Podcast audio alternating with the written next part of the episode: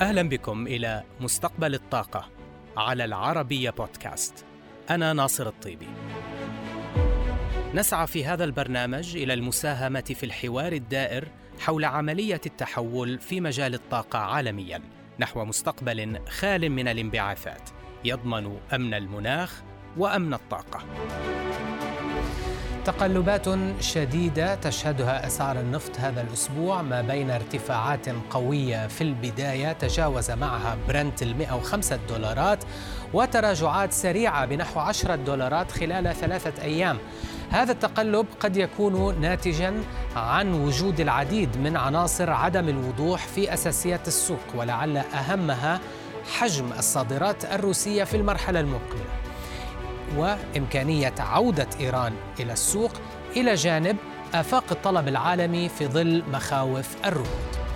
بالنسبة للصادرات الروسية ستكون الأسابيع والأشهر المقبلة حافلة بالتطورات فمجموعة السبع يجتمع وزراء ماليتها غدا الجمعة لمناقشة خطة لوضع سقف سعري لصادرات النفط الروسية وفي ديسمبر يدخل الحظر الأوروبي على النفط الروسي المحمول بحرا حيز التنفيذ ويليه في فبراير الحظر على المنتجات البترولية المكررة الروسية.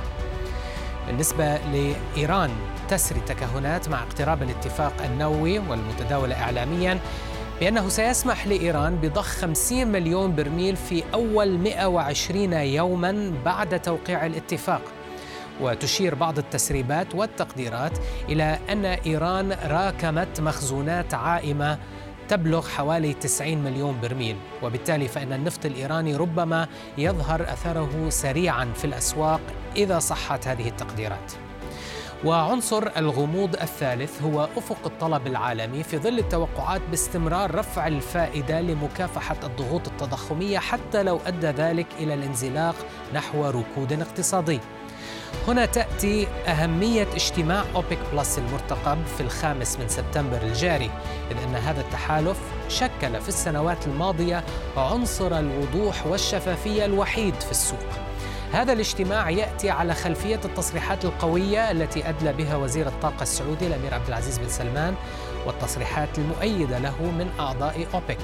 ثم تقرير اللجنة الفنية الذي أتى مطابقا للرؤية السعودية للوضع الراهن لا سيما لجهة الانفصام المتزايد ما بين السوق الفورية النقدية وسوق العقود الآجلة للنفط. إذ قدر التقرير فائض المعروض خلال العام الحالي بنحو 400 ألف برميل يومياً فيما توقع وصول عجز المعروض إلى مليون وثمانمائة ألف برميل يوميا في الربع الأخير من العام المقبل. وأن يكون العجز في السوق النفطية بمعدل 300 ألف برميل يوميا في السنة المقبلة بأكملها. فسواء قررت أوبك بلس خفض الإنتاج أم أجلت هذه الخطوة فإن اجتماعها سيوفر عنصر وضوح في فترة يشتد فيها الغموض.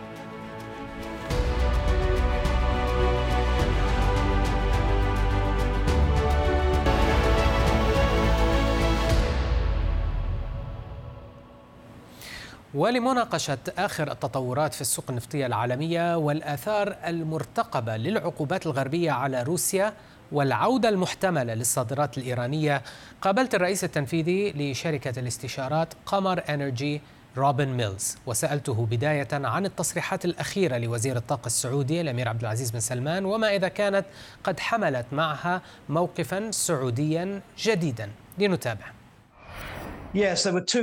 نعم هناك أمران جديدان في تصريحات وزير الطاقة السعودي الأمير عبد العزيز. الأول هو احتمالية قيام أوبك بخفض الإنتاج من جديد فالمنظمة وحلفاؤها يقومون منذ أشهر طويلة بزيادة الإنتاج بشكل شبه شهري لينتهوا تقريبا من عكس كل التخفيضات التي قاموا بها سابقا. وقد وضع الوزير هذه الاحتمالية على الطاولة في حال اضطروا لها بسبب الغموض التي تشهده السوق حاليا إضافة إلى الانخفاض الحاد الذي حصل مؤخرا في الأسعار حيث انخفضت إلى قرابة التسعين دولارا للبرميل. الأمر الآخر الجديد الذي طرحه الوزير السعودي في تصريحاته الأخيرة هو فكرة اتفاق جديد للإنتاج من قبل تحالف أوبك بلس للعام 2023 وما بعد. فالجميع كان يتساءل هل سيكون هناك اتفاق جديد بعد انتهاء الاتفاق الحالي نهاية هذا العام؟ وكانت إجابة الوزير بأنهم بالفعل يعملون على اتفاق جديد. ما الذي يساهم في رأيك في شح الإمدادات في السوق النفطية حاليا؟ الطاقة الإنتاجية الاحتياطية في قطاع المنبع أم الاختناقات وشح الطاقة الاستيعابية في قطاع التكرير؟ لا أرى بأن هناك شحا في سوق النفط الخام حاليا وقد شهدت الأسعار انخفاضا ملحوظا مؤخرا من قرابة 130 دولارا إلى نحو 90 دولارا للبرميل ما علينا فعله هو النظر إلى ما سيحدث نهاية العام الحالي فمن جانب ستدخل عقوبات الاتحاد الأوروبي على روسيا حيز التنفيذ ليتم حظر نحو 90% من واردات أوروبا من النفط الروسي ومشتقاته. بالتالي فإن تلك الإمدادات الروسية إما عليها أن تجد أسواقا بديلة أم أنه سيتم إيقاف إنتاجها وبيعها. وهو ما سيخلق شحا في السوق. أما الجانب الآخر فهو برنامج السحب من الاحتياط الاستراتيجي النفط الأمريكي والذي يبلغ نحو مليون برميل يوميا. ومن المفترض أن ينتهي العمل بالبرنامج في أكتوبر المقبل حيث أنهم غير قادرين على الاستمرار في السحب أكثر من ذلك خشية إفراغ كل الاحتياطي. لذا سيتوقفون قريبا عن السحب بل وقد يضطرون بعد فترة غير بعيدة إلى إعادة بناء هذا الاحتياطي عبر الشراء من السوق وهو ما قد يخلق بدوره شحا في السوق هو الآخر. أما سوق المشتقات مثل البنزين والديزل فهي تعاني من عجز واضح حيث حققت مصافي التكرير هوامش ربح كبيرة وقد تم تحقيقها حتى عندما لم تكن أسعار الخام مرتفعة. في حين كانت أسعار المشتقات النفطية تصل عند المستهلك النهائي بأسعار مرتفعة. طبعا أسعار المشتقات هدأت بعض الشيء في الأسابيع الأخيرة ولكن بالنظر إلى موسم الشتاء القادم فالناس ستحتاج إلى تدفئة منازلهم. وفي حال بقاء أسعار الغاز باهظة فإنهم سيلجؤون إلى استهلاك النفط كبديل وهو ما قد يخلق عجزا حادا في سوق الديزل تحديدا ما سيترجم إلى أسعار وقود مرتفعة جدا مرة أخرى. عودة إيران إلى السوق النفطية بشكل أكبر أمر يبدو قريبا بحسب المعطيات الراهنة ولكن ما زال هناك جدل حول حجم وقوة هذه العودة. البعض يتحدث عن مخزونات إيرانية عائمة قد تفوق 90 مليون برميل. ما رأيك روبن لعودة إيران إلى السوق؟ السؤال الأول هل سيكون هناك اتفاق؟ فقد طالت المفاوضات لزمن طويل. لم يتوصل فيها الفرقاء إلى صفقة بعد. ففي بداية العام الحالي كان الجميع يتوقع التوصل إلى اتفاق وشيك ولكن المفاوضات تعرقلت مجددا. لنفترض حدوث اتفاق خاصة وأن المؤشرات هذه المرة إيجابية. إذا توصلوا إلى صفقة ما فأنا أعتقد بأن الإمدادات الإيرانية ستعود إلى السوق بشكل سريع. فالحقول الإيرانية تم إغلاقها بشكل منظم ولم تتعرض لأي أضرار. ولدى الإيرانيين خبرة في إعادة تشغيل إنتاجهم فقد قاموا بذلك في عام 2016 عندما تم التوصل إلى الاتفاق النووي السابق كما أن لديهم مخزونات نفطية كبيرة قد يصل حجمها إلى نحو 100 مليون برميل في الخزانات البرية وتلك العائمة موزعة ما بين نفط خام ومشتقات وهي جميعها كميات جاهزة للعودة إلى السوق بشكل فوري. لذا سيستغرق الأمر أشهر معدودة. لفتح العلاقات من جديد مع عملائهم السابقين خاصة مع الهند واليابان وكوريا الجنوبية وإعادة إحياء المبيعات مرة أخرى.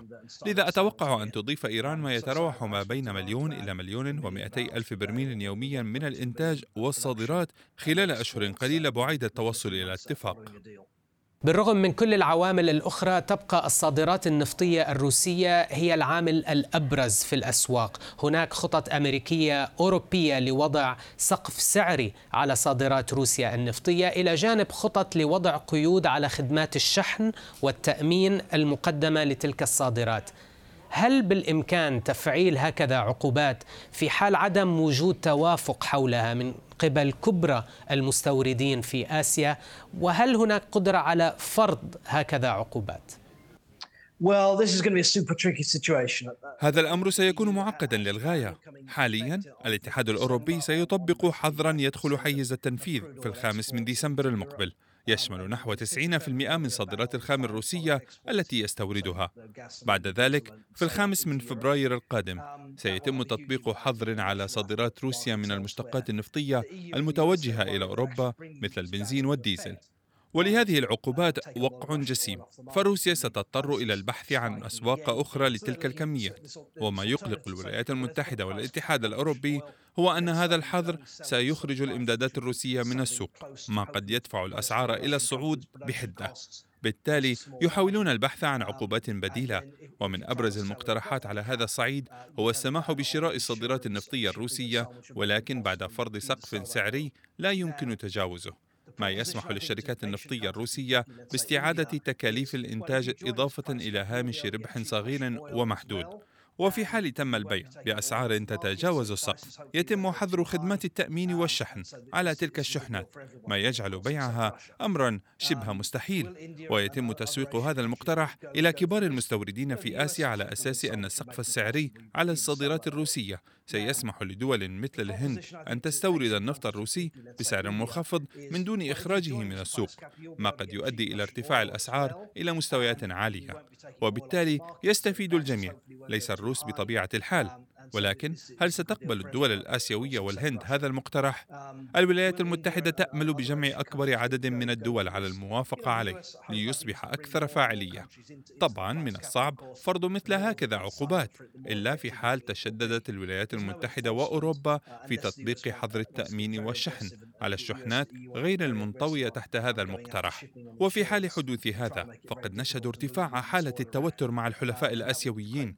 لذا فالوضع صعب ولن يتغير إلا في حال تبدل الموقف الآسيوي حيال هذه العقوبات وتحديدا في الهند.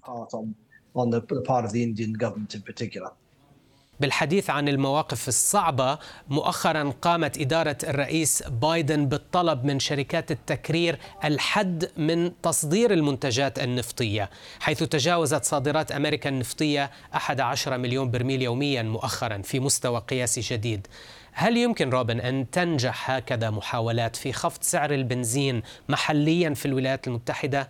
وكيف ينظر الأوروبيون إلى هكذا توجه أمريكي في عز حاجتهم للمشتقات في ضوء وقفهم لوارداتهم من روسيا؟ أرى أن الأمر ضرب من الجنون. لست أدري كيف تحاول الإدارة الأمريكية صياغة سياسة متزنة حيال هذا الأمر. في الولايات المتحدة تستورد الخام كما أنها تصدره وهي تستورد المشتقات وتصدرها أيضا. فالسوق الأمريكية سوق معقدة مكونة من عدة أسواق كل لها خصائص فريدة. ولكنها متصلة بالسوق العالمي بشكل وثيق. أي محاولة لفك ارتباطها مع السوق الدولية عبر الحد من صادراتها سيربك المنظومة النفطية العالمية وتصبح أقل كفاءة وستشعل الأسعار في كل مكان. فمصافي التكرير والتجار الامريكيين سيقومون بالتصدير طالما وجدوا فرصة سوقية. إلا طبعا إذا قامت الحكومة بفرض حظر رسمي. كما أن خطوة كهذه ستوجه رسالة أمريكية إلى الحلفاء الأوروبيين مفادها بأننا لن نرسل لكم الوقود وأنكم ستواجهون الروس لوحدكم. فالولايات المتحدة مصدر مهم للمشتقات النفطية إلى أوروبا وستزداد أهميته خاصة خلال فترة الشتاء المقبل حيث وكما أشرنا قبل قليل فإن أوروبا ستشهد على الأرجح عجزا في إمدادات الوقود. أخيرا روبن وفي ضوء أزمة الطاقة الراهنة التي يواجهها العالم برمته هل تلحظ أي تغير في الحوار القائم حول عملية تحول الطاقة من جانب كبرى شركات النفط الدولية والتي يبدو أنها تتجه نحو التنقيب مجددا؟ الأمر يحتمل التحرك في الاتجاهين. أسعار اليوم مرتفعة خاصة بالنسبة للغاز.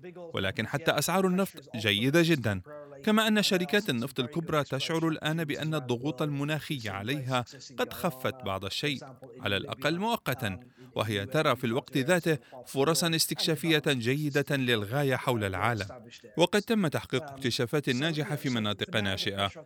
هذا إلى جانب تطوير حقول في مناطق قائمة.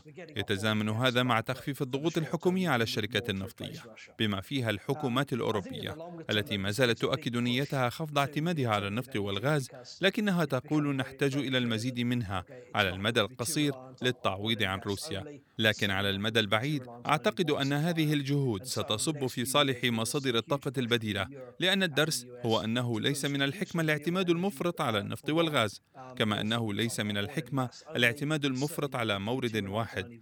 لذا خلال السنوات المقبلة سنرى اندفاعة قوية في أوروبا والولايات المتحدة نحو الطاقات المتجددة والسيارات الكهربائية لخفض كمية النفط المطلوبة وهذا على المدى البعيد سيعطي دفعة كبيرة لمصادر الطاقات البديلة.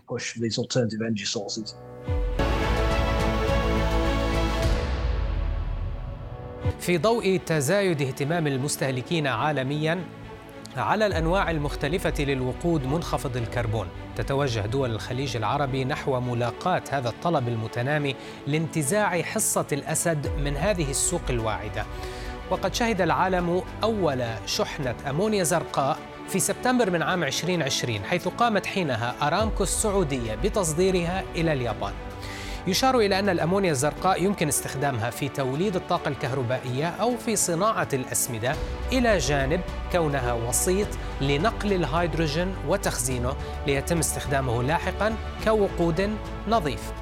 ومن المتوقع أن يتسارع الطلب على الهيدروجين الأزرق والأمونيا الزرقاء خاصة في أوروبا التي تحاول الاستغناء عن الغاز الروسي من جهة وخفض انبعاثاتها من جهة أخرى. وفي هذا السياق شهد هذا الأسبوع قيام شركة بترول أبو ظبي الوطنية أدنوك بتصدير أول شحنة أمونيا زرقاء من إنتاج الإمارات إلى ألمانيا. وعلى نفس الصعيد أعلنت قطر أيضا هذا الأسبوع توقيع اتفاقيات لإنشاء مصنع للأمونيا الزرقاء بقيمة مليار دولار وبطاقة إنتاجية تصل إلى مليون ومئتي ألف طن سنوياً. المشروع الذي سمي بأمونيا سبعة سيقوم باحتجاز مليون ونصف المليون طن سنويا من ثاني أكسيد الكربون خلال عملية إنتاج الأمونيا. التي تشمل استخراج الهيدروجين من الغاز الطبيعي ليتم لاحقا دمجه مع النيتروجين. ومن المخطط أن يبدأ المصنع إنتاجه في الربع الأول من عام 2026 وقد تم تلزيم المشروع إلى شركتي تايسن كروب الألمانية وشركة CCC ومقرها اليونان. تجدر الإشارة هنا مشاهدينا إلى أن قطر تستهدف تطوير قدراتها على احتجاز ثاني أكسيد الكربون لتصل إلى 11 مليون طن سنويا بحلول عام 2035